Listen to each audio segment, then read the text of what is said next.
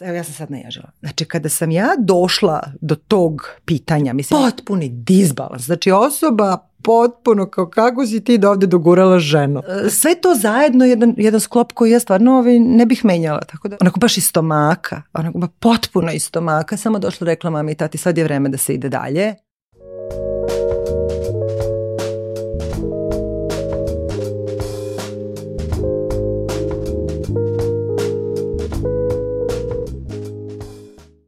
Zdravo, ja sam Aleksandra Petrovski.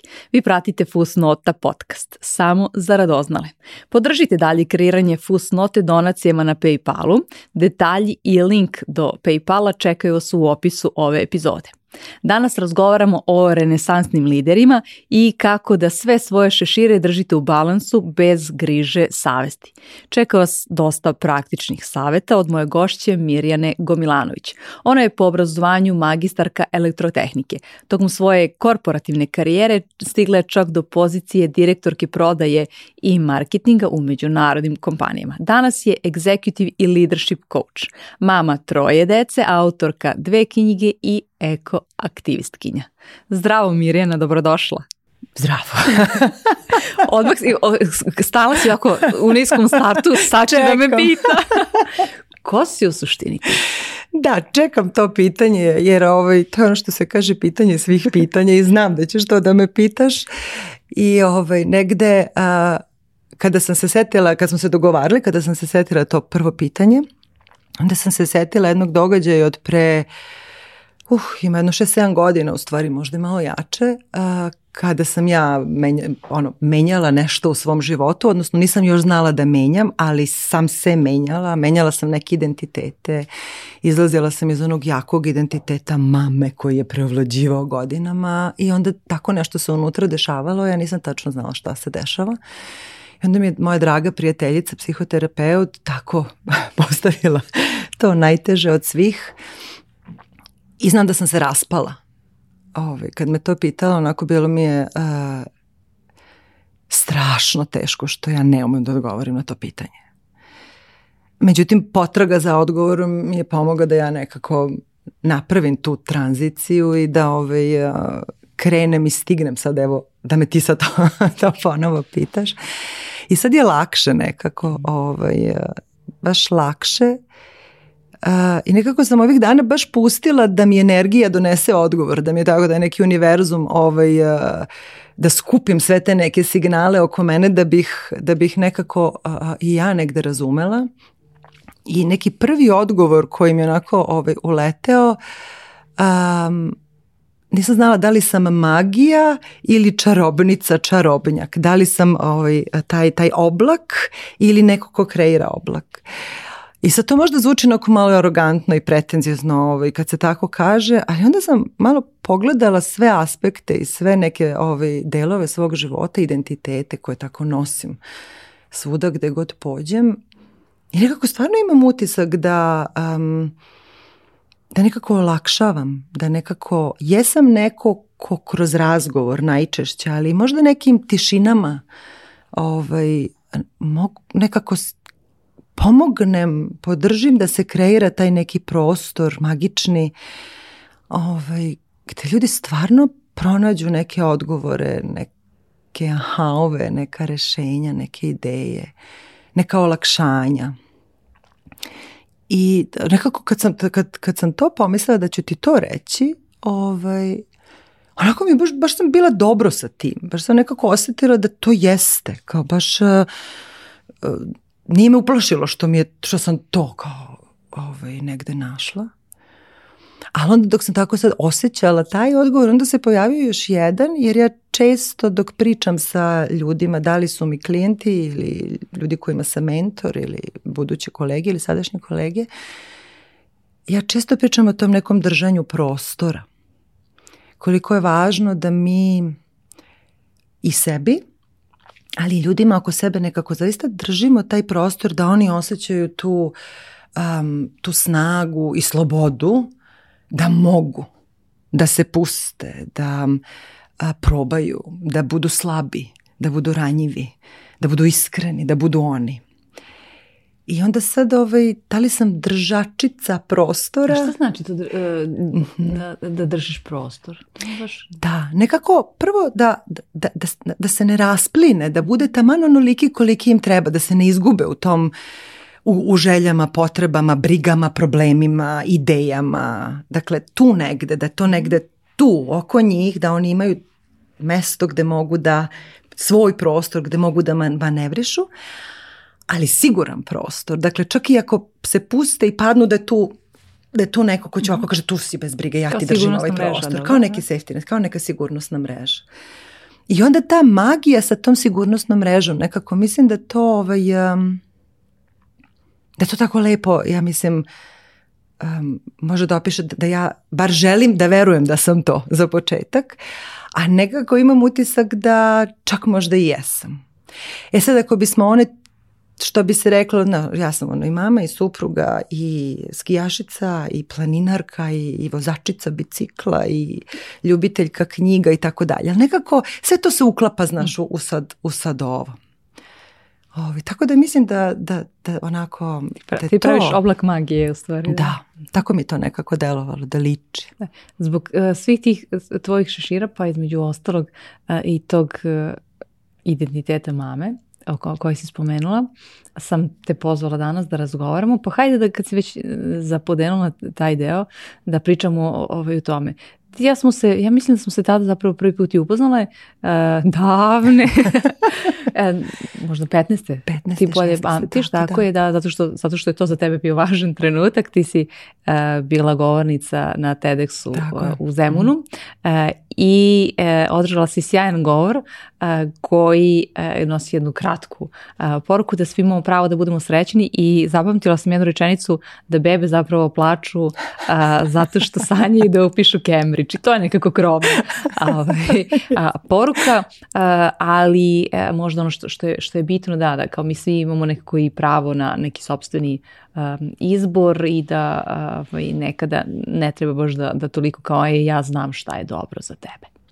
Da, ovaj, da, kad si rekla sve mi imamo pravo, um, nekako mi je to onako zazvučalo, nije tako. ono što ja često kažem, ovaj, nije baš mi imamo obavezu, ali svi smo rođeni da budemo srećni. Međutim, ovo tvoje pravo mi onako zanimljivo zvuči, znaš. Da, A nekada i sebi da damo pravo. To, to, to, pravo, jasno. Samo da, da, zato kažem, ja, jako da. lepo zvuči, a, kak, a, sad kad si ga ti tako izgovorila, zapravo mi često zaboravljamo da imamo pravo. To što smo rođeni nekako, ali često sebi ne dozvoljavamo ovaj, a, i tako postavljamo sebi neka očekivanja i neke granice i nešto mora se i ne sme se, pa onda dodamo tuđe očekivanja i tuđe granice i mora se ne sme se. I onda nekako tako smanjimo taj svoj manevarski prostor, da onda ako hoćeš, mislim, ne, nemaš kud nekako ti je ovaj jako usko. A sad to kad si rekla, to mi je jako interesantno vezano za taj TED i za tu celu priču. Ovaj, um, to me muž podsjetio pre jednu godinu dana um, ja jesam držala taj TED govor i nekako mi to tako bilo interesantno da, ovaj, da tako to napravim. Uh, ceo taj govor je počeo, uh, nije bitno uopšte da se sećaš ili ne, ali ja se sećam priče moje mojoj Lani, koja je da artistkinja. Koja da, da bude tako je, da, zato što je to ovaj, neka magija, neka umetnost, neki sport i tako dalje. I tu se pominje taj Cambridge i ta Lana u tom govoru, a ta ista Lana zaista je prošle godine upisala Cambridge školu, što je potpuno, ali potpuno neverovatno. Ja sam mogu samo pomisliti, ako Bože, da, da li to ima nešto. Sad ali ti da. vraći, da. sad će pomisliti da si ti ta mama iz priče. Da, i to sam htjela da kažem. I sad će to tako ovaj, čudno da zvuči, kaže, eto, kao ovaj, ono, ne, ne slediš ono što pričaš, kao ne živiš ono što propagiraš. Ali u stvari sad kad se vratim na to, um, mislim da je, uh, dugo sam se da nešto dvoumila, um, jer to je ono privatna škola. I onda ovaj, kao da, smo, da, da, da li to sve zajedno ok, kao znaš nekako uvek nešto vagaš neke, gdje su to bile porodične odluke i porodični sastanci na našoj terasi celo leto i tako šta ćemo, kako ćemo. Uh, ona je to jako onako nekako um, cela, vrlo brzo i lako i rekla kao da, da, ja to. Istorično mi se, e, što sam ja posle e, razmišljala dugo o tome što, što ne nužno da li ta škola ili bilo koja druga, ali što mi um, nekako ne radimo na, na svojim veštinama u stvari. mi se stalno uh, grčimo da steknemo gomilu nekih znanja sa kojima ne znamo tačno šta ćemo, a divno je kada ja imam priliku da razmislim šta ja stvarno želim da budem srećna, je li? Da. Znači šta je to što ja, koji je to kvalitet koji ja u životu želim i šta mi je za to potrebno?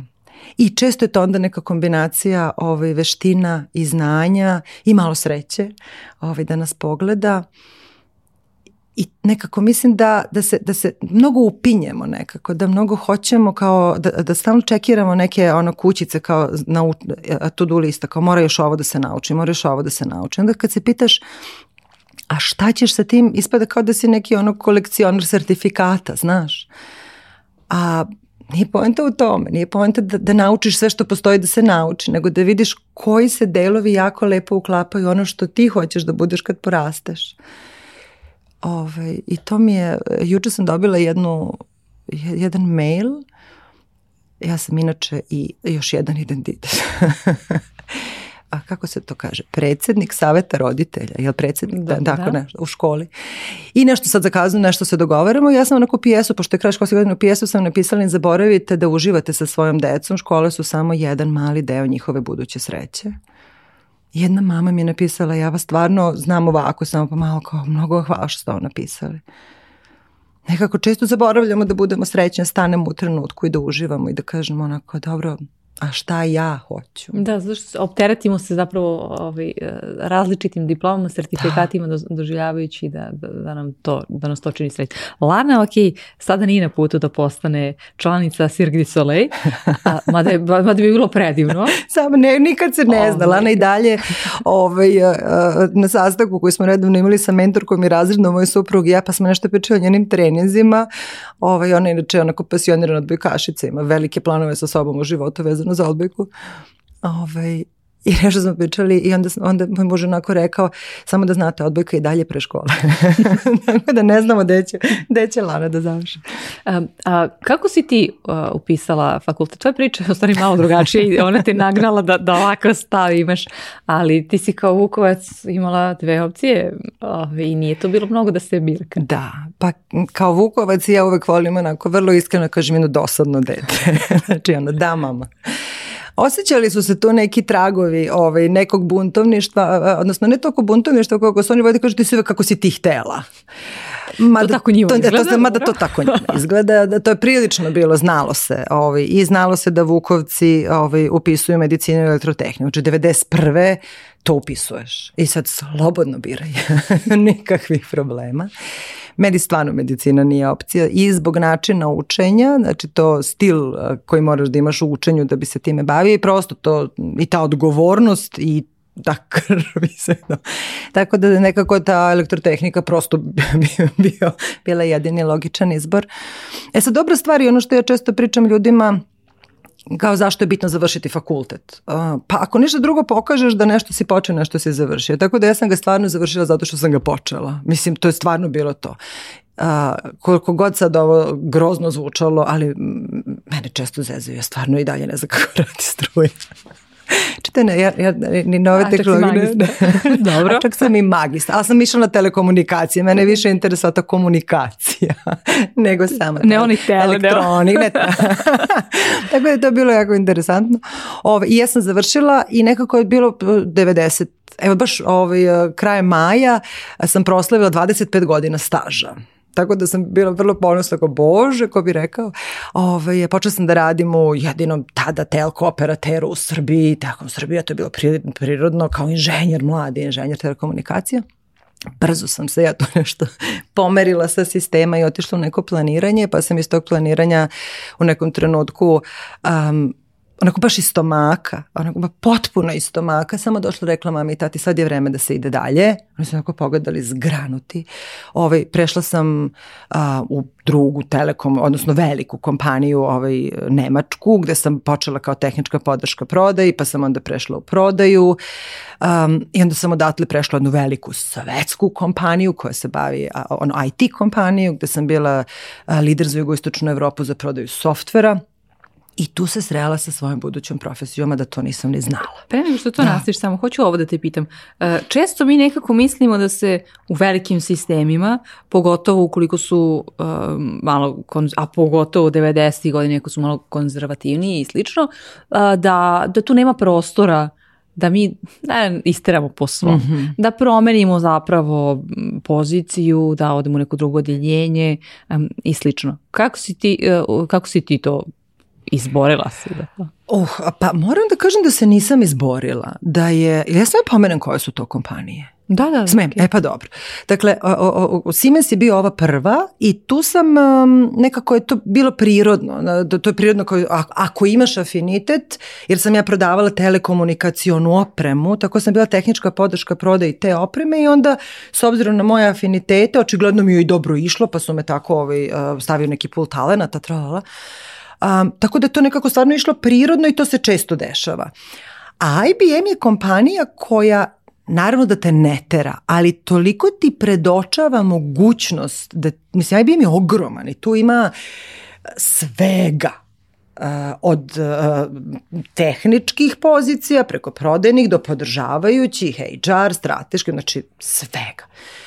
I uh, u IBM-u ti stvarno imaš poziv da ako želiš uh, da ti a, možeš da promeniš svoju karijeru i to sve nešto onako, što ja kažem, dijagonalno napredovanje, tako da moj prvi, a, prva pomisao da bih ja nešto menjala u svojoj karijeri zapravo bilo unutar IBM-a kada sam ja a, se povezala sa jednom ženom iz Beča, a, koja je bila moja mentorka, naravno mentorski program postoji, a, ona je bila u HR-u i ja sam nekako nju izabrala zato što sam ja već tad osetila da bih ja rado prešla malo na tu stranu.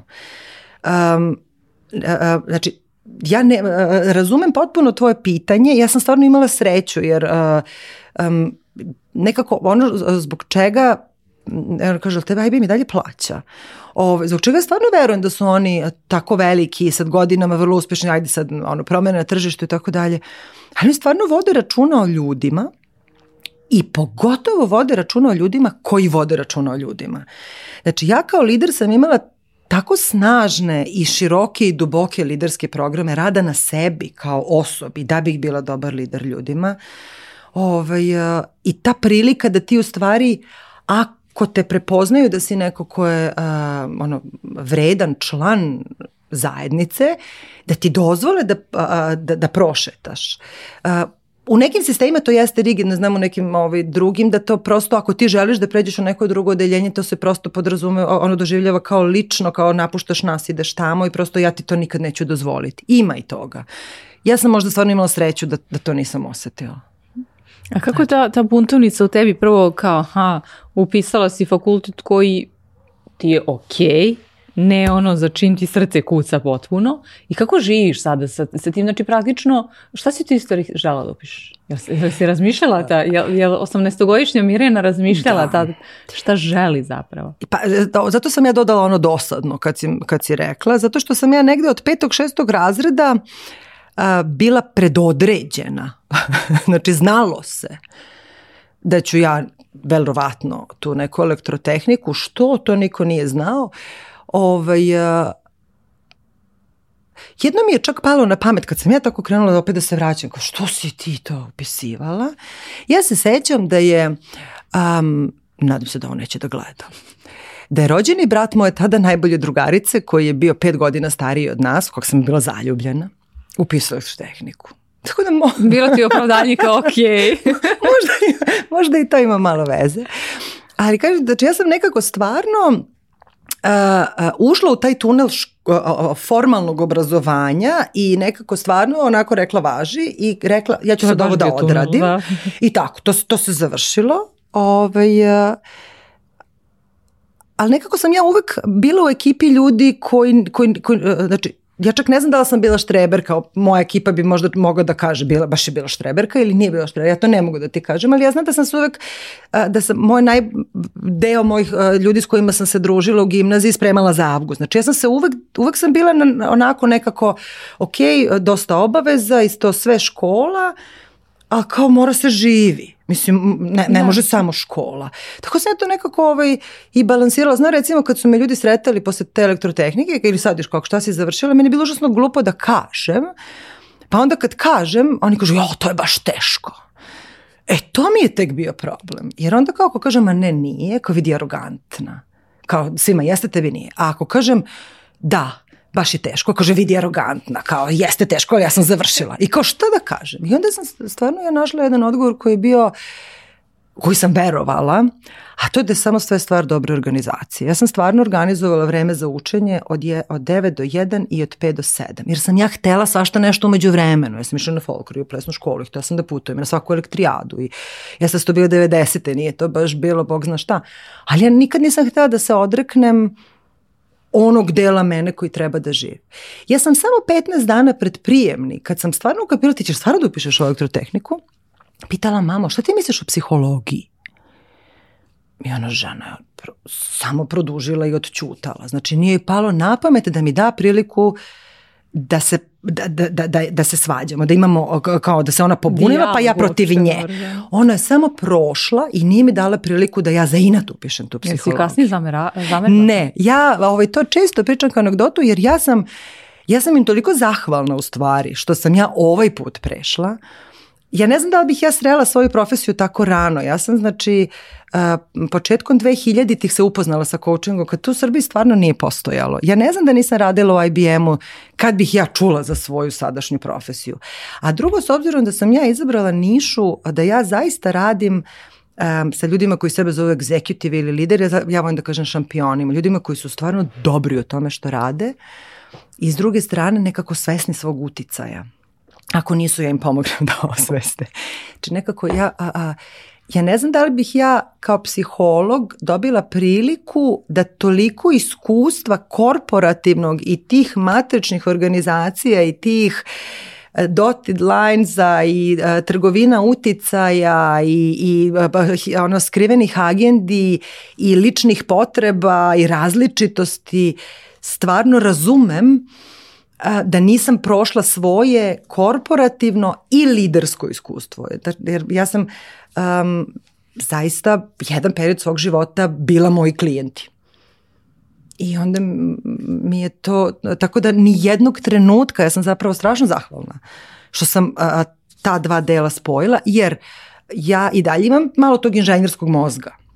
Ovaj, što je vrlo korisno u svakom Strašno korisno jer um, na jednom treningu ovaj, uh, uh, u, u, u jednoj grupi um, ja sam pričala, pričali smo o coachingu, ovaj, coaching kao stil rukovođenja, liderski stil i tako dalje.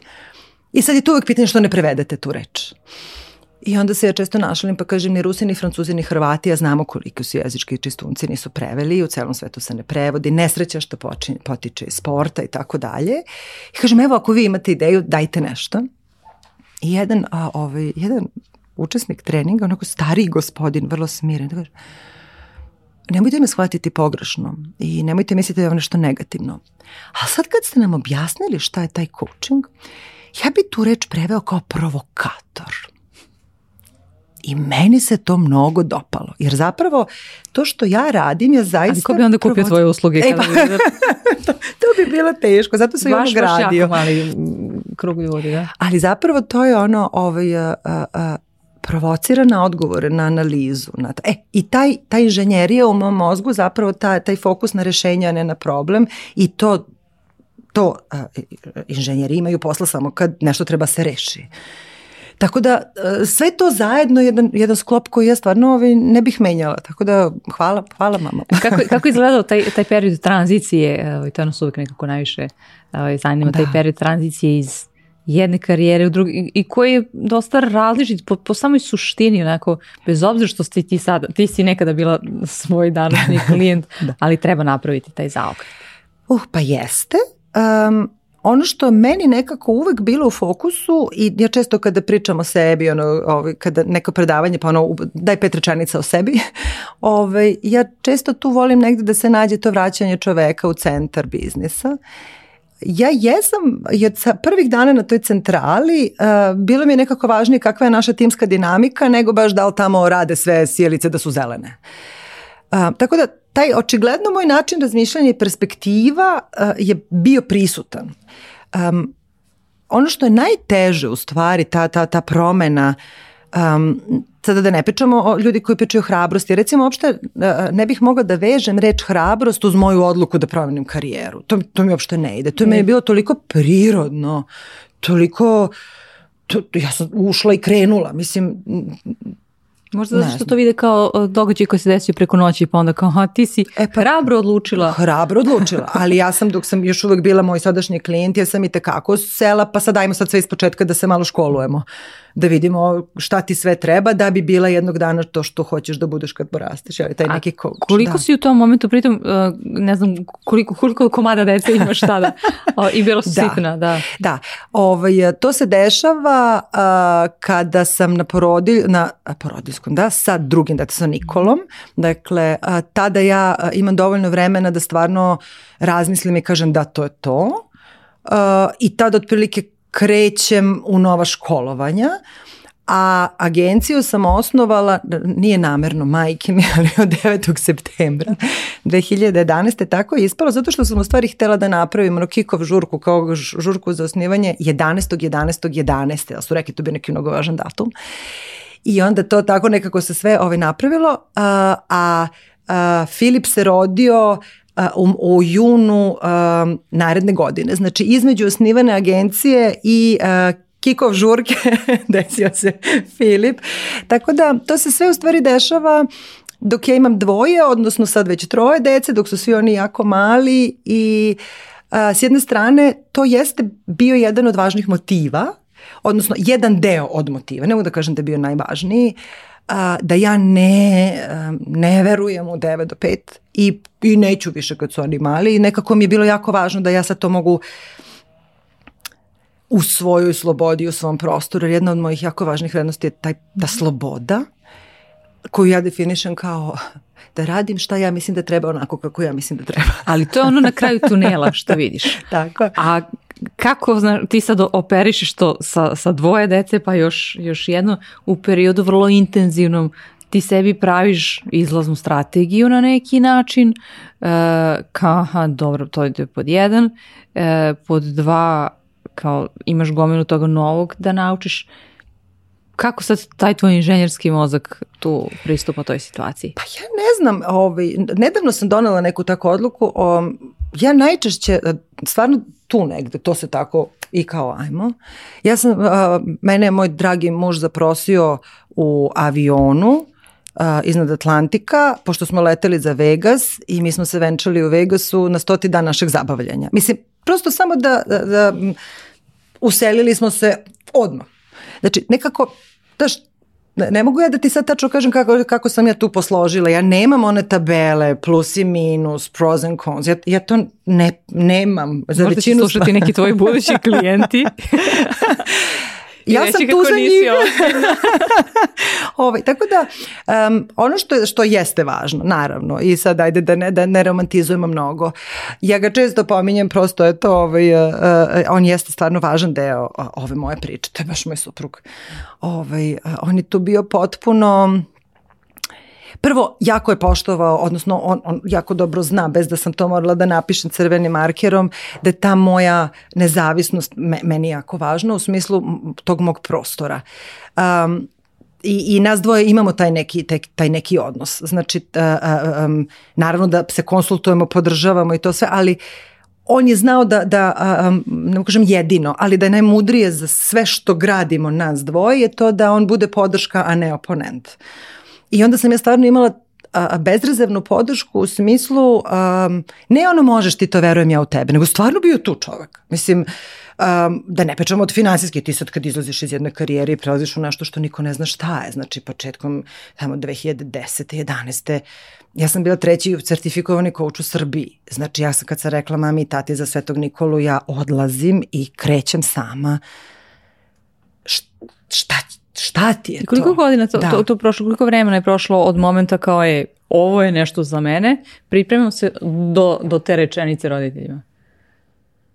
Ovo je nešto za mene, pa, uh, znači, gdje ja sam prvi put pomislila zaista, zaista je zvučalo u mojoj glavi kad porastem hoću da budem coach 2003. u IBM-u na toj a, internoj edukaciji koju sam kao lider dobila da bih bila coach svojim ljudima.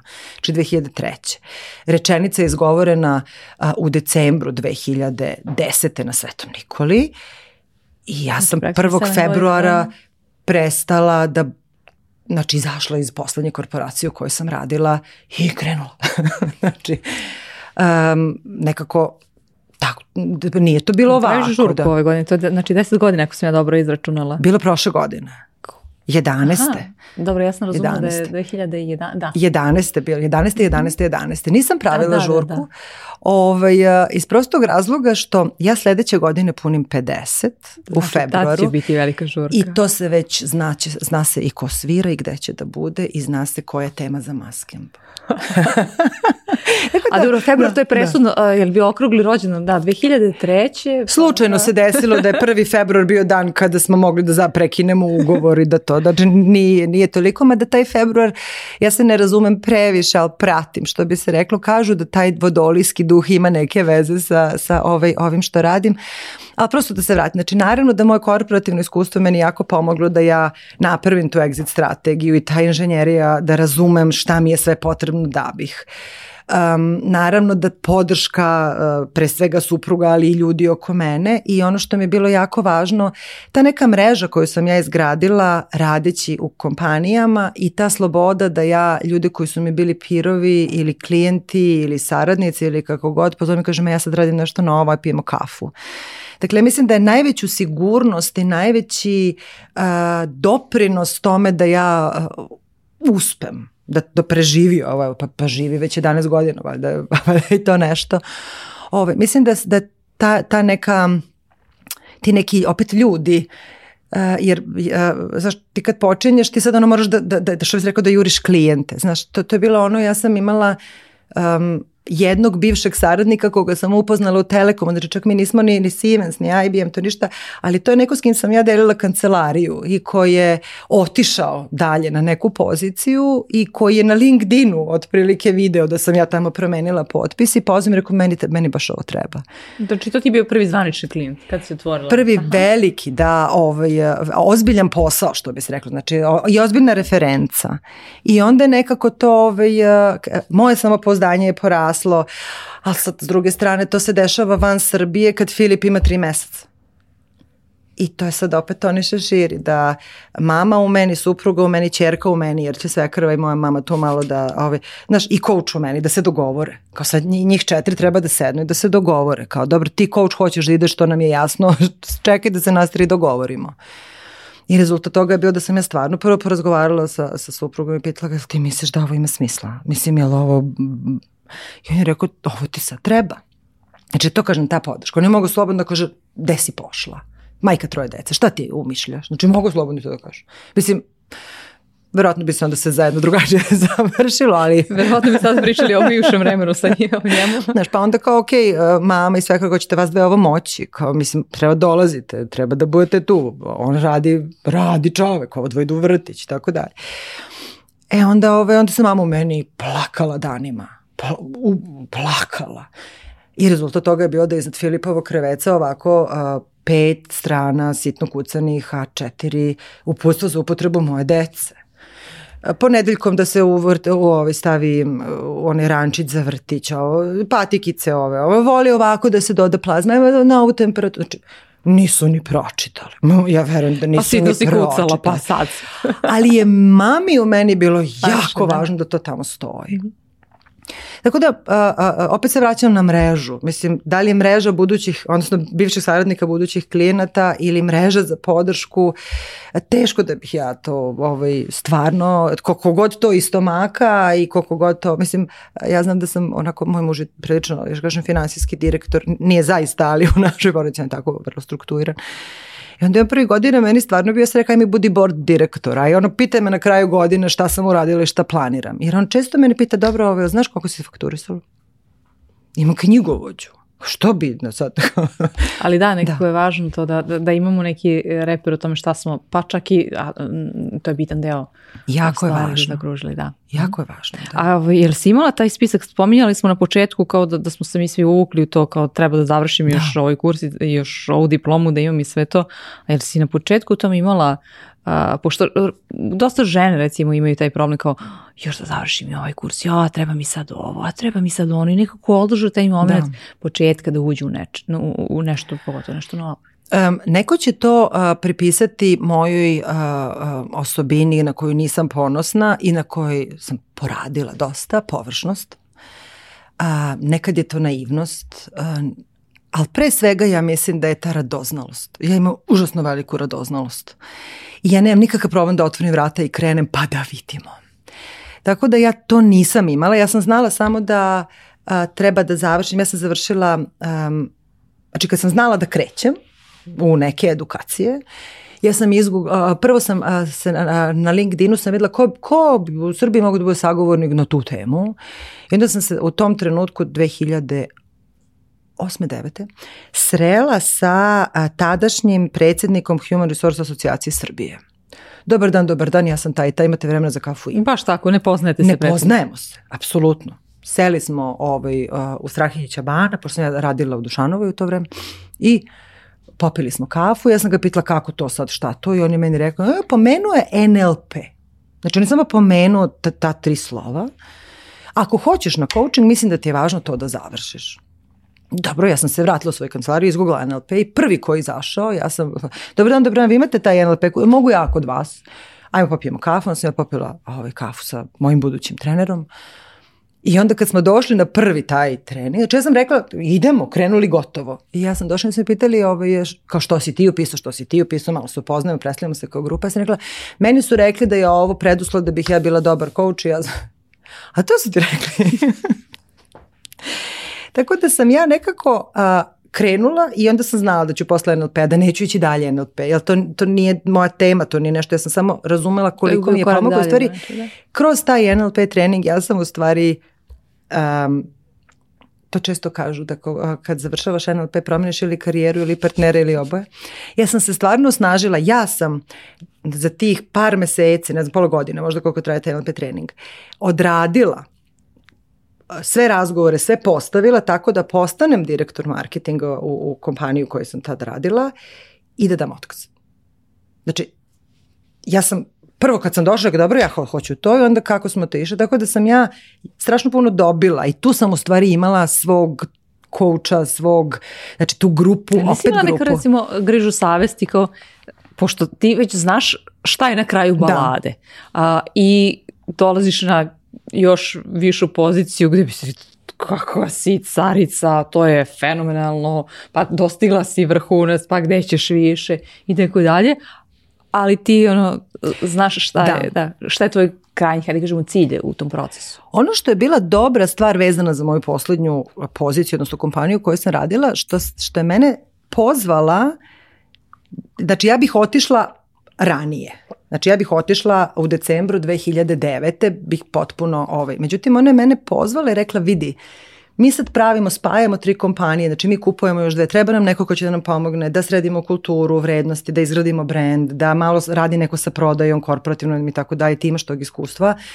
Ajde, molim te, dođi. Ja sam rekla, ali ja, ja, ja već krenula, kao ja, ja bi tamo. Znači nije bilo u rukavicama? Ne, ne, ne, ne, ne. Ja sam rekla, ajmo ovako, ajde, ovaj, uh, ajde da vidimo godinu dana, uh, ajde da se dogovorimo na godinu dana. Ako vidimo da nam to odgovara, pričamo posla, da znaš da sam ja jednom nogom već krenula na potpuno drugu stranu.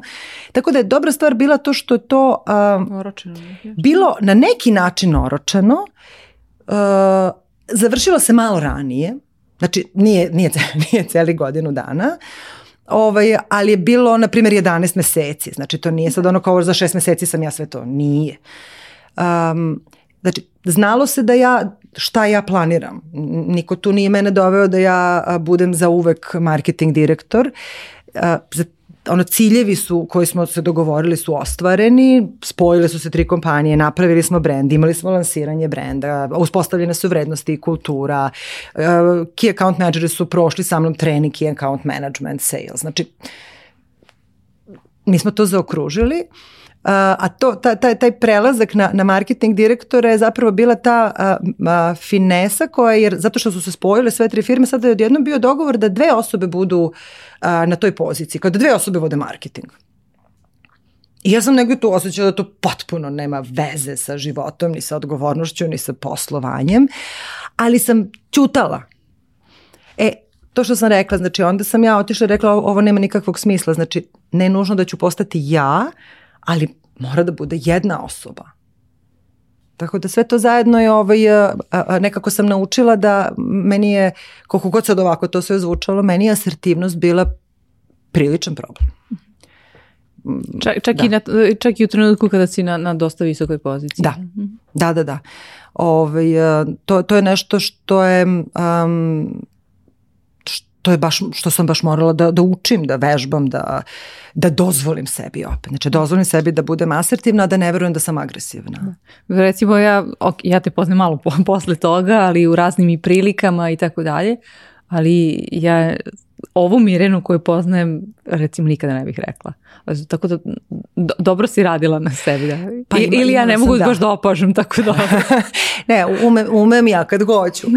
ovaj, um, kada, kada, je, kada ja nemam osjećaj da, um, da, da sam sa dve noge na zemlji u nekoj situaciji, znaš, kada, kada ja treba da stvarno iznesem stav gde ili ja nisam, ono, nije moj teren, nisam kod kuće, ili će neko, neko mnogo gubiti time, ili, ili prosto jedna od stvari koju sam naučila u stvari i to mi je pomoglo kod moje asertivnosti um, odnosno dve, ajde sad sam, sad sam, znači jedna je stvarno nešto što mi strašno ko, pomaže i u ovaj, u svim odnosima, jer ja ne volim to privatni poslovni život, tako da, znači u svim odnosima, a to je ono divno pitanje da li želiš da si u pravu ili srećan.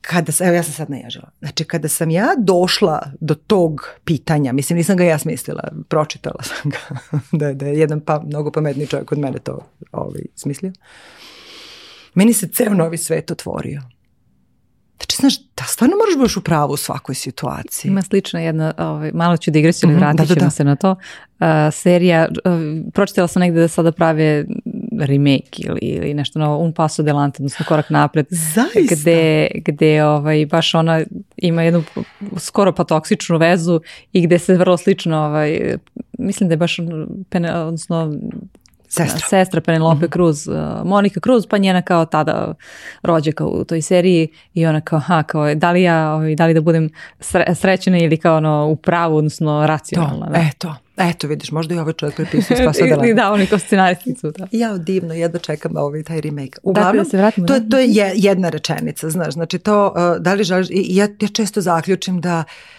e, ne da ovo nije moja priča, nije, nije ni borba, nije, znači, A, to je došlo sa sad opet mojim porastom, mog samopouzdanja, moje samoaktualizacije, moje svesti ko sam ja, šta stvarno želim, šta mi je stvarno važno, kud sam pošla. Koliko sebe često pitaš to? Mislim, imaš onako na godišnjem nivou pa pišeš e, Nemam te, pa to, da? te, te strukturene stvari. Ali a, um, to planinarenje, to šetanje pored saveta, vožnja bicikla, um, um, te, to kad sam sama sa sobom i kad imam priliku da tako nekako pustim i uopšte ne znam koje će pitanje da, da uleti, um, tu, tu strašno volim da a, prosto samo ono da vidim je li to opseg gde smo htele da budemo, znaš, sve mi, sve Mirjane. Prosto je, je li nam dobro, je li nam, je li nam lepo, je smo srećne, je li to to? Uh, I ovaj, um, znači to, to je to, ako, ako, ako mi nije bitno, ako to nema nikakve veze s tim prostorom koji je moj i tako dalje, ako je to samo neko isterivanje, ako je to da ti dokažem da ja bolje znam od tebe, a ja znam, mislim, ono ja znam, na primjer, da ne navodim ovaj izvor, ali prosto, znaš, to je isto kao kad vidiš čoveka koji ubeđuje svoju majku kako izgleda porođaj. Znaš, dakle, što bi se ja sada, da, na primjer, da Nikola Filip ili Lana sad krenu da meni objašnjavaju kako izgleda porođaj. Ja nemam nikakvu potrebu da njima dokazujem da to što oni pamte nije bilo tako. Ja znam kako izgleda porođaj. E, ovaj, tako da je to jedna stvar. A druga stvar je, um, ako imaš nešto da kaže, odnosno pre nego što nešto kažeš, proveri da li to doprinosi toj diskusiji ili je to tvoj ego. Jer ja sam iz te sve svoje velike nesigurnosti um, dosta radila, priznajem. A sa jednom koleginicu na tome, dok sam bio u tom korporativnom svetu, znaš kad su sastanci pa svi nešto kao strateg, strategišemo i planiramo i, i slažemo se, ne slažemo se, ja sam iz tog svog osjećaja nesigurnosti imala potrebu da prva nešto kažem. Ili da se pohvalim, ili da dam svoje mišljenje, ili svoju ideju. I onda sam shvatila, brate, što bi, ka, mislim, uh, sačekaj, mudrije je možda skupi šta svi kažu, pa ti Razimire. Ja sam stalno imala tu potrebu kao da, kao da, kao da nisam dovoljna. Kao da, kao da to što ja imam, umem, znam, mogu šta god, kao da to nije dovoljno i onda mi je, stalno sam imala potrebu da nekako maskiram te stvari sa, sa, sa nekim nenužno pametnim ovaj, uh, idejama ili da kao filujem te neke stvari. I sva sreća pa sam to stvarno prepoznala još dok sam bila u korporativnom svetu, pa sam onda ovaj, sa jednom koleginicom ovaj, zaista uh, pomogla sebi da shvatim da da je nekad, da je nekad da. stvarno mudro da, ovaj, da, da odćutim šta, šta radiš kada jedna od tih Mirjana štrči negde tako, ti mhm. šeteš savom, malo se pri... To su one kao misli pod tušem, ali e, to, to, to, to, skoro pa tako. Evo, šetiš ti savom i kažeš čekaj, čekaj i postavljaš ta svoja ovaj, sebi pitanja, razgovaraš se i onda kaže čekaj, čekaj, ova mi Mirjana malo ovde sad štrči i da. ova štrči i kako, šta radiš onda? Da, zavisi kako štrči. Nije zadovoljna, ne mora da, da eto. štrči. Dakle, nekada neka a, se učutala i samo uh, isijava neko možda nezadovoljstvo ili nemir ili rezignaciju ili kaže kad ću malo i ja. Crvene lapice, da, da, isijava crvene lapice. Da, nisi me odavno vodila u pozorište, kao, aj, aj sad malo ja. Znači uh, neka, neka tako štrči, a nekad neka stvarno preuzme i štrči, a potpuno je nesvesna da je bez glasanja, znači niko je nije dao taj legitimitet, ona preuzela i ona donosi odluke za sve ove ostale. Dakle, dešava mi se jedno i drugo, moram da priznam. Uh, ovaj, e, I onda nekako to, to, to prozaično pitanje, znaš, da li sam zadovoljna, znaš, nekako ja stvarno a, e, a, e, već sam našla način da da osetim je li to u nekom balansu. S tim što balans danas i balans pre pet godina i balans za pet godina uopšte neće biti isti. A, trenutak u kome se nalazimo a, zaista izbacuje na površinu neke, a, neke identitete koji zaista su sada prozvani da vode. Uh, I onda ja ne tražim balans da su sve podjednako zastupljene, jer to je jedna onda toliko umarajuća borba sa samom sobom, sa gomilom pravila ograničenja, moraš, ne smeš i tako dalje, užasno iscrpljujuća i vodi još samo većoj frustraciji, jer to ne može da se stavi u balans. Znači, ne mogu svi delovi nas u svakom trenutku da budu podjednako zastupljeni. U nekom periodu života uh, Mislim, ja često navodim taj primjer, već sam svima dosadna, ali ja, ja strašno volim to skijanje. Nisam najbolja skijašica na svetu, odmah se razumemo, ali mnogo volim da skijam. Tebi je lepo i te e, važno. To, da. pa meni je lepo. Ove, ovaj, znači, deset godina ja nisam čula kako pancerica ulazi u vez. Ili sam bila trudna ili neko bio beba. Dakle, kada je Filip imao dve i po, Filip je najmlađi, ja sam pomisla, ove godine idemo. I onda sam samo pomisla tri puta skafanderi, tri puta piški mi se, haki mi se, hladno je, hoću kući, gladan sam, ne mogu više, pao sam. Eh. Sam rekla, ne. Ona Mirjana što voli da uživa je rekla ne. okay. I onda smo otišli sledeće godine. I sećam se kad sam razmišljala o tom skijenju, ja sam ranije, znači poslednji put sam bila na skijenju sa sestrom i nijedna nije imala decu. Sad smo ponovo išle nas dve sa decom i ob, znači obe imamo decu. Ovaj, ja sam samo onako rekao, ček, ček, ček, ajmo sad polako, znači, uh, ovo, prvo se dogovorimo, ovo skijanje neće imati veze sa onim od 9 do 5 otvaramo i zatvaramo žice i tako, znači, to neće. Dakle, želim da vidim, pošto su Lana i Nikola već išli na skijanje sa nekim ovi, školicama e, sporta, tako da, ja želim da vidim kako moja deca skijaju i oni su se rasloga, razvodila da ih nisam videla kako skijaju. Ja ću da se sankam sa Filipom, jer ima tri i po godine, i ono, ono što ja očekujem od skija, što skijašica treba da očekuje od tih sedam dana na planini je jedan spust. Znači ja sam se samo dogovorila da, da se odmah dogovorimo. Znači to je za ovu godinu. Naravno da, da je bilo više od jednog spusta, da smo se sestre i ja nešto kombinovali i tako dalje. Ali tre, ja i dan danas se sećam pesme koja je bila na planini uh, um, u trenutku kada smo se, pošto sva sreća nosimo isti broj ovaj, opreme, tako da nije bilo ono skijašnice i to. Znači na stazi smo se ovaj, prezlo kad sam ja ubacila pancericu u vez i taj trenutak je onako fuh, a to je nekako bilo to. Tako da a, ja mislim da je jako važno da um, da ne mislimo da štrči zato što trebalo bi nekako. Ima je dosta klijenkinja, najčešće klijenkinja, koje tako dođu, koje su preumorne i ljute i rezignirane i besne i neće više ovako i samo rade i nikako da stignu ovo i s drugaricom se nisu videli i kod kozmetičara ne mogu da stignu i deca se završava škola, one ne stižu. I tako gomilu tih nekih identiteta izbace i onda tokom sesije u stvari mi dođemo do toga da joj je dovoljno da baš bi mogla, pošto ona i ta najbolja drugarica koja se sto godina nisu videla rade otprilike sad u ovim poslovnim delovima vrlo blizu da odu na ručak. Da ne mora se čekati to neko veče kad ovo dete ima tenis, ono dete ima odbojku. Znači, Nekad da, da, razmišljamo nekim ono B, C opcijama. Da. Nekad mi mislimo da mora kao nekad. Ja sam pet svih trudnoća išla u te neke um, jazzercise, tajebove, total body workout i tako dalje. Onda sam ja strašno htela da se vratim u to. I ti sa troje deca ne možeš ti da se vratiš sad utorkom i petkom ili nije bitno od sedam. Kad imaš bebu i još dvoje deca, od sedam se ne, ne ide nigde. Ali ja sam tako jedno dva meseca bila ljuta i na sebe i na sve oko sebe zato što ja ne mogu da krenem ponovo da treniram. Na isti način kako si nekada. Kao radila. nekada. A onda sam shvatila ček, ček, polako. Ujutru svi spavaju. Ja sam ono, ja ne volim to jutarnje večer, ali ja stvarno volim jutro i volim da se budim. A šta tebe sprečava da ustaneš posle sata ranije? Imaš ovde Savu, imaš 5 kilometara. Šta tebe sprečava da prošetaš, a hoćeš svratiti da u tu teretanu na livadi? Jel mora da bude zatvorena prostorija sa gomilom znojavih žena i muzikom? Možda može drugačije. I u stvari ono što mi često zaboravljamo je da se pitamo, a šta ja u stvari hoću? Znači, da li ja hoću baš, baš jazzercise ili ja hoću da imam vreme za sebe i da se bavim svojim telom i zdravljem i da dugo trajem svojoj deci? to je bio moj motiv, jeli?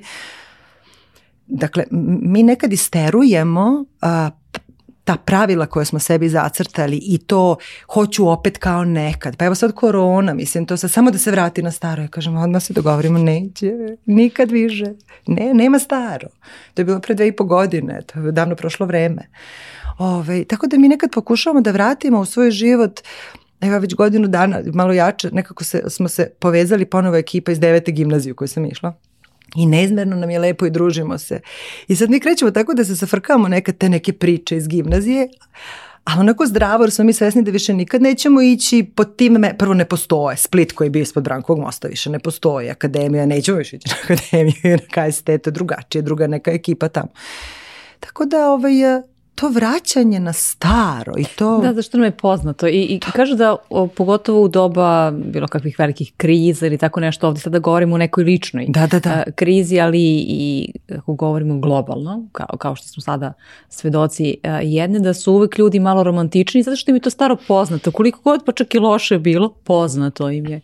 I zato imaju ovaj, takav... To jeste i to je jedan od najvećih izazova recimo da, u mom radu sa klijentima. Jer coaching po um, definiciji što bi se reklo mora da ide napred. Znači ide u neku budućnost. Coaching se ne bavi kao terapija da. recimo da. prošlošću. Znači coaching se bavi hoću da stignem tamo da da vidim kako ću ili da donesem odluku ili da uvedem naviku ili da odbacim naviku ili da napravim strategiju plan. Znači, ali ide tamo negde u budućnost. I ljudima je mnogo lakše da ostaju u lošem poznatom nego da iskorače u verovatno bolje nepoznato. Jer ovo bar znam kako ću s tim. A ono što je dodatno, ovaj, to što se rekla kad je globalna priča, e, što je dodatno otežavajući faktor. Znači sistem, da li porodica, e, tim, kompanija, sportski klub, nije bitno. Ali ono u čemu mi funkcionišemo je nas naviko da vrtimo određene točkiće u sistemu, na nekoj poziciji. I sad neko radi sa coachem ili pročita par knjiga ili jednostavno lupi šakom o sto jedno jutro i reši da nešto promeni, nije bitno na koji način dođe do želje da nešto promeni. I sad ovaj točkić reši da se vrti drugim tempom ili na drugu stranu ili da ode u drugi sistem. I čak i ako sam smogla snage i rešila i odlučila i napravila plan i napravila prezentaciju za sve da im kažem um, i vama će biti dobro, verujte mi, evo obezbedit ću sve što treba da ne osetite da ja ne vrtim ovaj točkić, dovešću vam zamenu, sve sam sredila. To je ona mama koja sa tromesečnom bebom odlazi. Tako, znači čak i to često se dešava da sistem a, ne dozvoli promenu Da vi recimo jednog dana rešite da um, dođete na posao e, i da postanete asertivni. znači, kao ja ću od sada da iznosim svoje mišljenje. Ili uh, vežbala sam i sad ću stvarno da kažem ne, na lep način sa poštovanjem, ali uh, izneću svoje mišljenje i sada odjednom ja sam na sastanku, neki tu ovaj deo tima i moj nadređeni kaže idemo levo Iako ja vidim da cela ekipa u timu vidi da je desno možda malo bolje, niko ništa ne progovara ja kao sebi dan zadatak i kažem uh, možda da razmislimo, mislim eto čisto da uzmemo u, opciju, u obzir možda i opcija desno nije loša. Um, sistem koji su moja ekipa i moji nadređeni uh, može da reaguje na razne načine. Može ga, ej vidi što ti je dobro, ajde stvarno bismo mogli. Sistem me podržao, a možda kaže čekaj, jel se znak ovde donosi odluke? Molim te, i sistem je samo vratio moj ćošak. Ja nekako želim da verujem da, da ta opcija koja si navala puta dva više ne postoji. E sad možda zavisi od mojih e, balona, ali... A, a ovo je bio primer iz da. posla, ali a, e, sistem može da bude bilo šta. Znači može da bude da sam ja jedan dan došla i rekla ja utorkom i petkom idem na jazzercise. I da je neko iz moje porodice rekao, pa kako ćeš a deca, ko će kupa decu? Znači, uopšte nije bitno, znači, on je bio primjer Jasne. posla i nadam se, ja, ja želim da verujem, jer kroz rad e, sa, sa mojim klijentima stvarno vidim da, da je e, paradigma liderstva i da su lideri da, da počinjemo, da menjamo i da se uveliko već menja, nismo, ne počinjemo, da se stvarno primećuje to čovek pa Excel tabele i empatija i fleksibilnost i brainstorming ili kako god da ih zovemo i poštovanje. Ta izraz servant leadership je recimo nešto što ja jako volim. Doći će to lepo i kod nas, ali to nešto da mi razumemo što ja stalno pričam klijentima. Znači, dobar lider je čovek uh, ono po, po zanimanju facilitator. Dakle, vaš posao je da držite prostor. Vaš posao je da pomognete ljudima koji su u nekim delovima bolji od vas, jer su tu gde su. Da. da, im pomognete i olakšate da dobro rade svoj posao. E, i nekako a, kada ja, kada, kada neko sa takvom svešću pristupi nečijoj promeni, onda je to verovatno podržavajuće, ali ima još ljudi koji nekako nisu svesni da kad neko nešto promeni, ne treba da kažu opa, menjamo se, a? nego treba kažu, e, baš mi je drago da to, ili kao, e, kako mogu ti pomognem. Um, sistem je napravljen tako da održi sam sebe i ako on oseti nečiju promenu kao pretnju, kakva god minimalna promena bila. Kad neko, kad neko reši da drži dijetu i dođe na 18. rođendan i kaže ne, ne meni tortu, ne hvala. Ma ajde molim te ovo jedno parče, šta, šta će jedno parče, ajde za ja da da hiljadu korica ja pravila. Dakle, A ja sam stvarno rešila da napravim promenu i da izbacim slatko. Ali kako sad uvredit ćeš domaćina? Da kako ne pojedeš parče torte? Dakle, uopšte nije bitno da li je šef torta ili šta god. Sistem nas stalno vraća jer zna šta će s nama takvima. I sad se mi odjedno menjamo. Da. I onda mnogi ljudi pokleknu pred sobstvenom promenom i ne, ne, ne prigrle tu sobstvenu nepoznatost koja dolazi promenom zato što se plaše otpora sistema. I zapravo odatle dolazi to uh, lakše mi je da ostanem u poznatom pa kakvo god bilo, nego da prelazim u nepoznato jer šta ću ako, šta ću ako me osude, da. šta ću ako se ne slože, šta ću ako, šta ću ako ovo ispadne loše, pa ispalo loše, pa dobro, menjat ćemo. Zagrebala si malo pitanje liderstva, Uh, jedna od nekako meni dragih, onako posebno na, na srcu tema i nešto čime se ti sada baviš, inspirisalo nas isti čovjek i praktično ista knjiga, a to je razmišljaj kao Leonardo da Vinci i po tome si ti zapravo napravila i program da. koji a, je ono, podstič, osnažuje renesansne lidere, ako mogu da. tako da, da slobodnim jezikom to opišem i vola bih da mi ispričaš nešto, nešto malo više o tome. Da. Jer su nam i renesansni lideri jako potrebni. Da. Um, sasvim slučajno sam se zrela sa tom knjigom. Ove, ovaj, je, radila sam sa klijentom u njihovim prostorijama, odnosno oni imaju neki izdvojeni trening centar, jako lepo, lepo opremljeni i sad imaju svoju biblioteku. Pritom je to, e, nije nešto e, poslednji, ja sam, no, no, no, no, no. knjiga je dosta stara. Stara. Michael Gelb, razmišlj, yes. kao Leonardo da Vinci. Uh, Uh, i stara je i nije toliko nešto kao uber popularna. ne, Ne, ne, ne, Tako da super imaju dobar izbor. Da. e, znači imaju e, od tih super popularnih što kažeš, ali imaju i to i, i nekako, uh, znaš, to je ono što se kaže tako kad se desi, jeli? Ja uvek dođem ranije malo da pripremim sao, da ubacim svoju energiju, da osetim, da postavim to sve. I sad pijem kafu, čekam da polako počnu da dolaze učesnici i tako se odgledam. Kao što sam ovde kod vas tako malo gledala šta ima od knjiga. I ako bacim pogled na Stočić, ima sad mnogo mi lepo napravio onako kao biblioteka, ima Stočić i fotelja, onako baš da sedneš.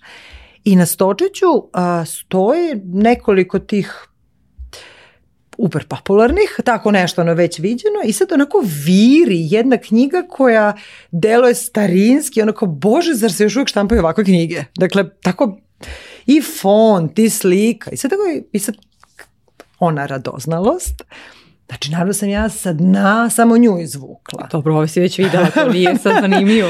I tako sam ja sela u tu fioku, krenula, fioku, ovaj fotelju i krenula. I prvo način na koji on piše mi je bio jako interesantan. Drugo, a, inženjerija, ta struktuiranost u stvari kako on uvodi a, tih sedam elemenata, gde on uopšte ne priča o liderstvu, mislim, priča ne. Da. o mindsetu za život, o pogledu na svet, o pogledu na sebe, o šta god. Ma da ima, vrlo interesantno, lepo je on to upakao, znači ima i u roditeljstvu i na poslu, svuda je on to malo našao primenu. Ovaj, ja sam to tako onako krenula i sad osetim kako je, mene to sad ulači, ulači i sad stigli ljudi počeo trening, ja znam da sam samo ovaj, u pauzi poslala porukicu devojci koja mi je kontakt ovaj, iz HR-a tu u kompaniji, rekla, ja bih da pozajmim jednu knjigu ako nije problem. I ja sam je stvarno pozajmila i pogledala i vratila i onda sam odmah otišla i naravno ovaj, kupila. I mene je ta knjiga toliko držala, um, recimo, pre korona mi je potpuno ovaj, pa, poremetila to da, da izaberem da? vreme. Da, da, da. Znači, ne mogu ti kažem da li je pre pet ili pre sedam godina kad, kad se to sve dešava, ali dešava se. Ovaj, ta knjiga me je e, pomerila, pa onda dugo nije ništa tako snažno iznutra i onda Sapiens i Homo Deus.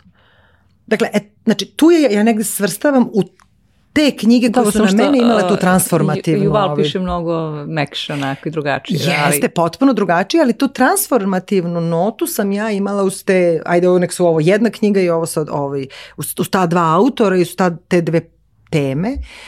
I zapravo a, a, koliko sam ja sad, ajde one malo pisana i kao priručnik i kao ta, svega tu ima pa malo, ali ja sam samo onako u jednom momentu A, E, o onim filmovima teorije zavere, to kad ti ono gledaš nešto i onda odjednom samo vidiš ako ti sijaju neka slova kao to je tajna poruka.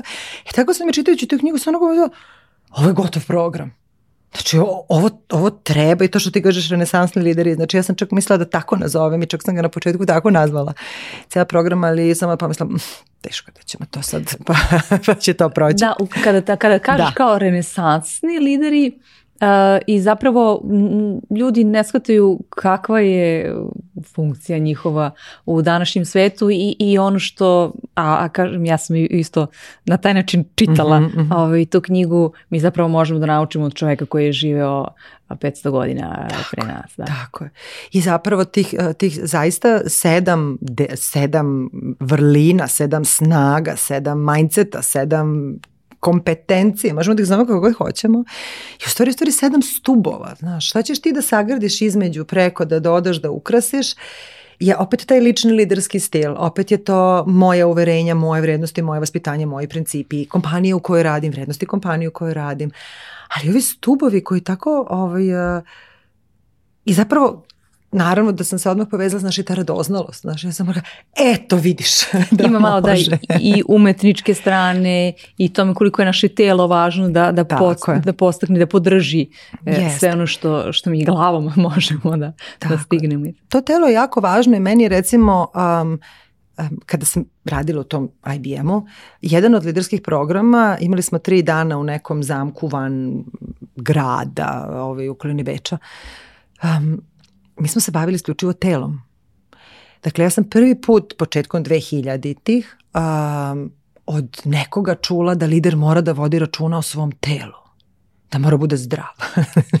ne Dobro, idemo, ne idemo. ne, ali zaista to je to. Znači morate budete zdravi, morate voditi računa o telu. Ja se sećam, godinama posle sam ja tako razmišljala o svojim, o, ono kao ko ti je role model, ko ti je bio omiljeni lider, znaš nekako stalno tako nešto sve prispituješ. Ja sam imala tu veliku sreću da je moj prvo, od prvog do poslednjeg ovaj, radnog mesta su meni nadređeni bili stranci. Što ne govori ništa loše o, o, o domaćim liderima da pače. Mislim, mojih klijenata, ja sad radim sa, sa, sa domaćim liderima i strašno volim kakve lidere dobijamo, imamo i kako se nekako menja svesto liderstvo kod nas.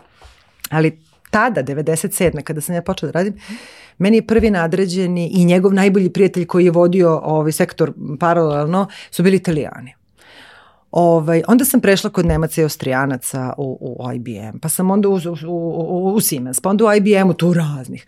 Ali nekako, znam da je meni uh, jedna od ključnih stvari koje sam ja primećivala, ajde kod Italijana što bi se rekao kao to se očekuje, ali kod svih zapravo koliko oni, prvo niko nije bio debeo, Drugo, da svi imaju, ne nužno da su išli kod manikira, svi imaju uredne nokte. Meni je to uvek bilo fascinantno kako oni svi uvek imaju lepu šaku. Kako su uredni, kako vode računa o sebi, kako vode računa o nama. Znači ja kad sam počela da radim, sam bila mladi inženjer telekomunikacija na centrali oni su strašno vodili računa o nama. Kad god idu u Italiju, oni nam donesu nešto, okay, nema veze, sad kažu, ma da, to je bez veze. Pitali su nas kako smo. Sedeli su sa nama da razmišljamo kako bismo nešto rešili. Znali su neke stvari o nama privatno zato što ih je stvarno interes. Delili su sa nama stvari koje su u meri koju su smatrali da treba da podar.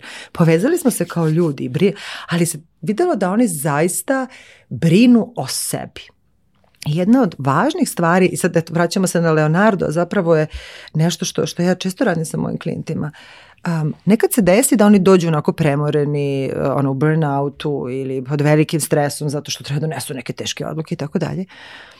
I onda do kraja prve sesije, znači malta ne se tek upoznajemo, uh, oni shvate da podhitno moraju da urade nešto sa svojim telom, da im to malo pomognem, priznajem, te uvedu neke šetnje, dalje parkiranja, vraćanje u teretanu, vraćanje četvrtkom na futbal sa ekipom i, i već šta ja znam. Ovaj, uh, jer naše telo, naš um i naše emocije su neraskidivo povezani. A, i, i, I prosto telo, nažalost, prati. Dakle, ili smo dobro raspoloženi pa su nam lepe misli pa smo veseli ili čujemo neku tužnu vest pa i emocije su teške pa i telo se spusti. Telo je uvek pratnja.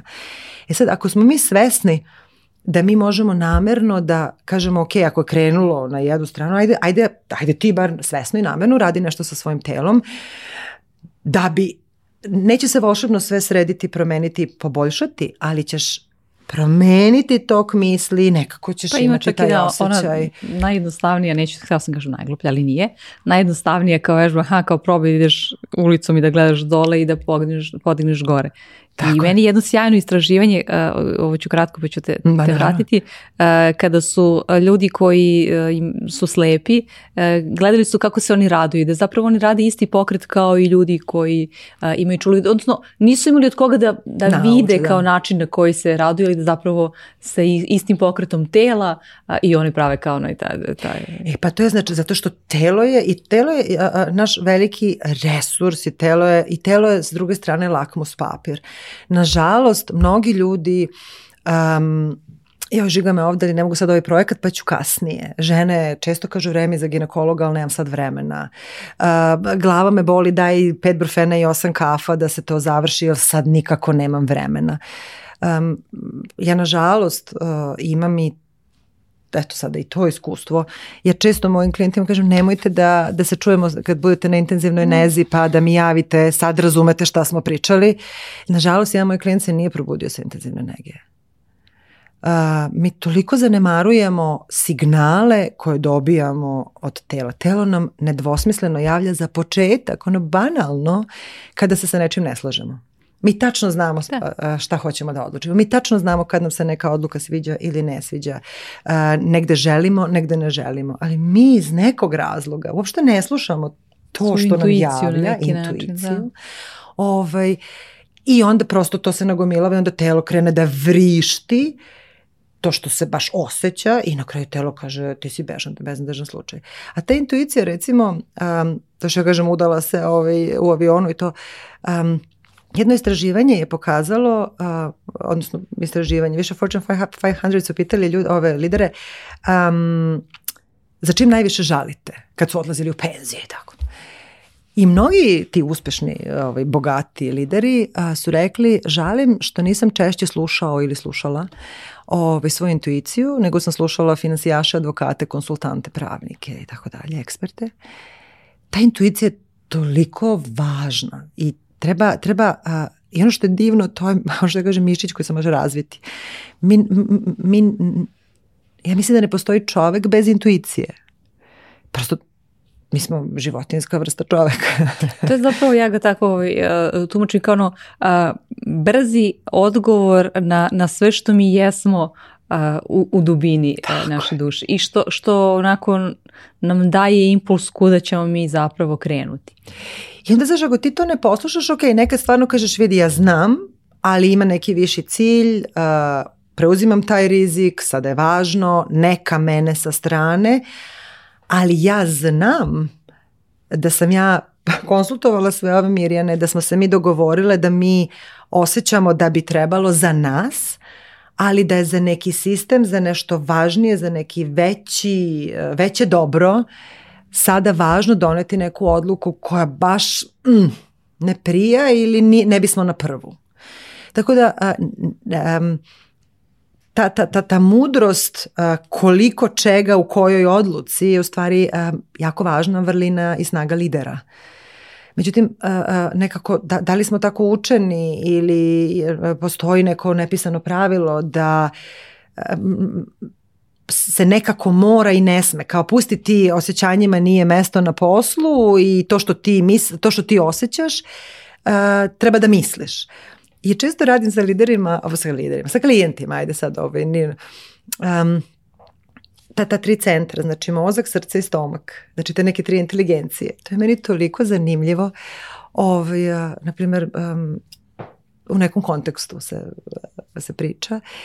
I sad šta god pitam tog klijenta, on o tome misli ili osjeća, ili zna, nije bitno. Znači, glava, zna, glava a, misli, a, srce zna i stomak osjeća.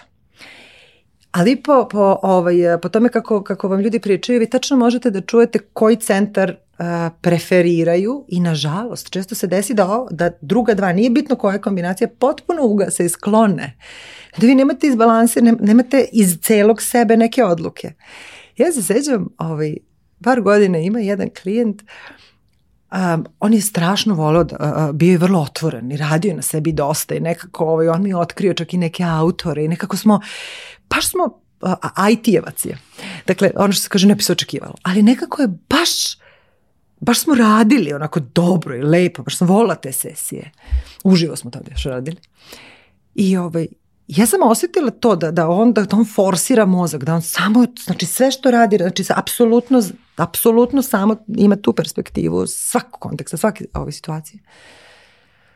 Ja sam onako pitala, rekao, ajde ovaj, čisto onako se poigramo kada bi, sad smo sposta, da se uspostavlja neki dijalog, neka nego interesantna vežbica. Ja se sjećam da sam ga pitala da izabere odakle će da krene, da li će srce ili stomak. On je izabrao srce. Ja sam rekla, ok, šta vaše srce zna o toj temi na kojoj smo radili? to je bilo onako potpuno nestvarno. On je čovjek onako sedeo, onako lupkao, ovako bukvalno ga lupkao nogom, onda je skinuo sako i onda ovako krenuo je, krenuo je znoj, ovako tu da mu se javlja i on ovako posle, to je trajala se ta tišina od dva minuta, jako dugačka, jako dugačka dva minuta. Ovaj, e, to je jedna od stvari, to što kažem držanje prostora. Znači, mhm. to je jedna od stvari Da ti bude koju... prijatno da ćutiš sa nekim. Da. Tako da. je, da, da on zna da, da je okej okay da ćuti. E, e to, to, šta, šta može to da znači?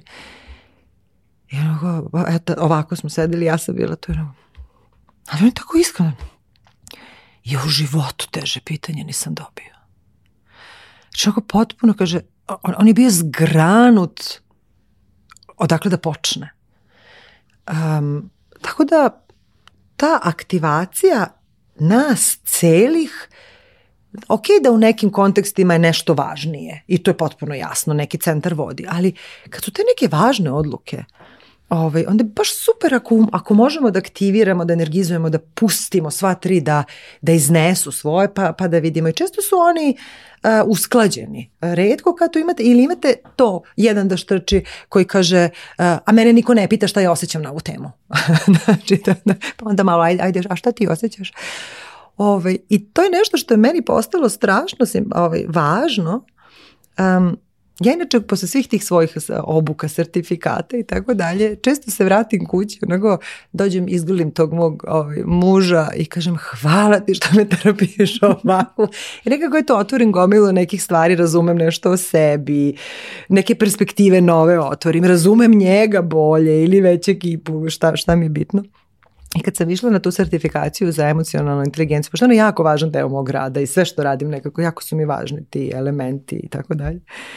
Ja sam radila naravno prvo taj neki assessment. I sad ima tih neki 15 skala, nije bitno. Uglavnom, um, reality check, znači ono provera realnosti kod mene na minus beskonačno.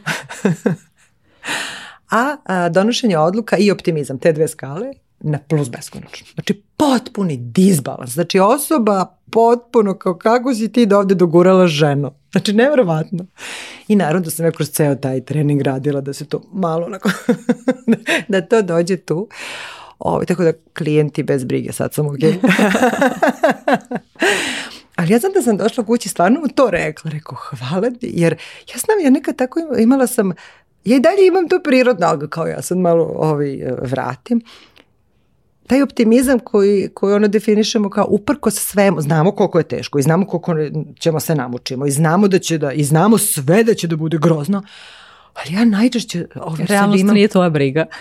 Ah, ja uvek kažem, na kraju će to da bude dobro. Znači ja imam taj snažan, neverovatan osjećaj da će na kraju ono što kažu, a, a, a, nije gotovo dok nije dobro, ako nije dobro nije kraj ili već kako god da, da parafraziram. I ja znam da sam samo, a on je čovek vrlo realan.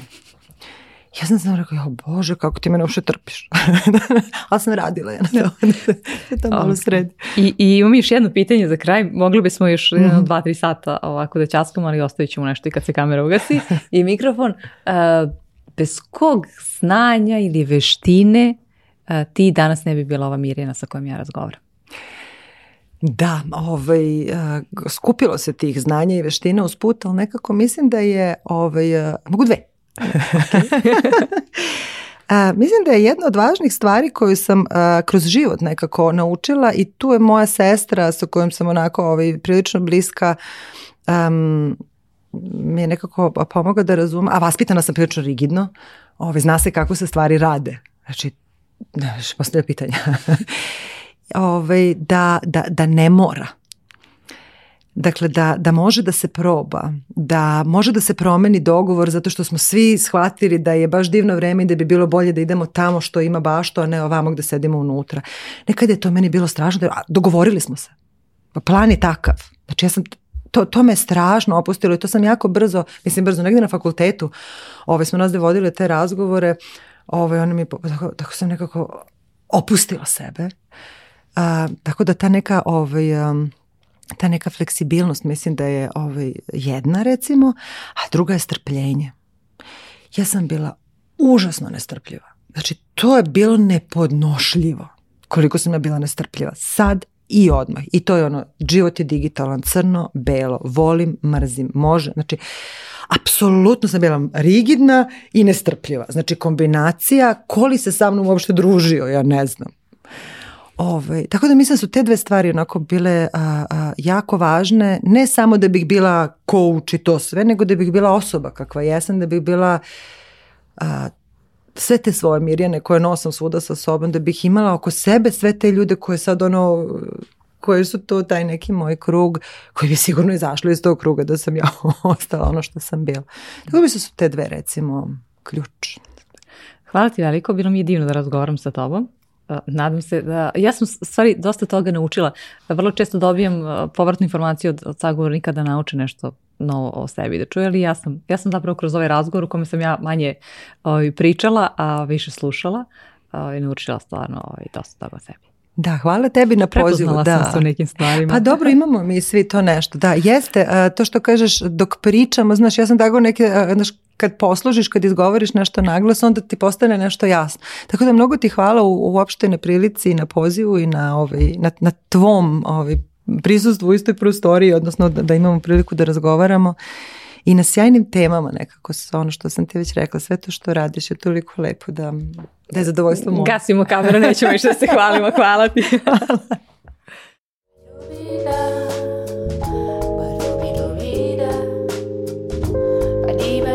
Da, para, para, raro.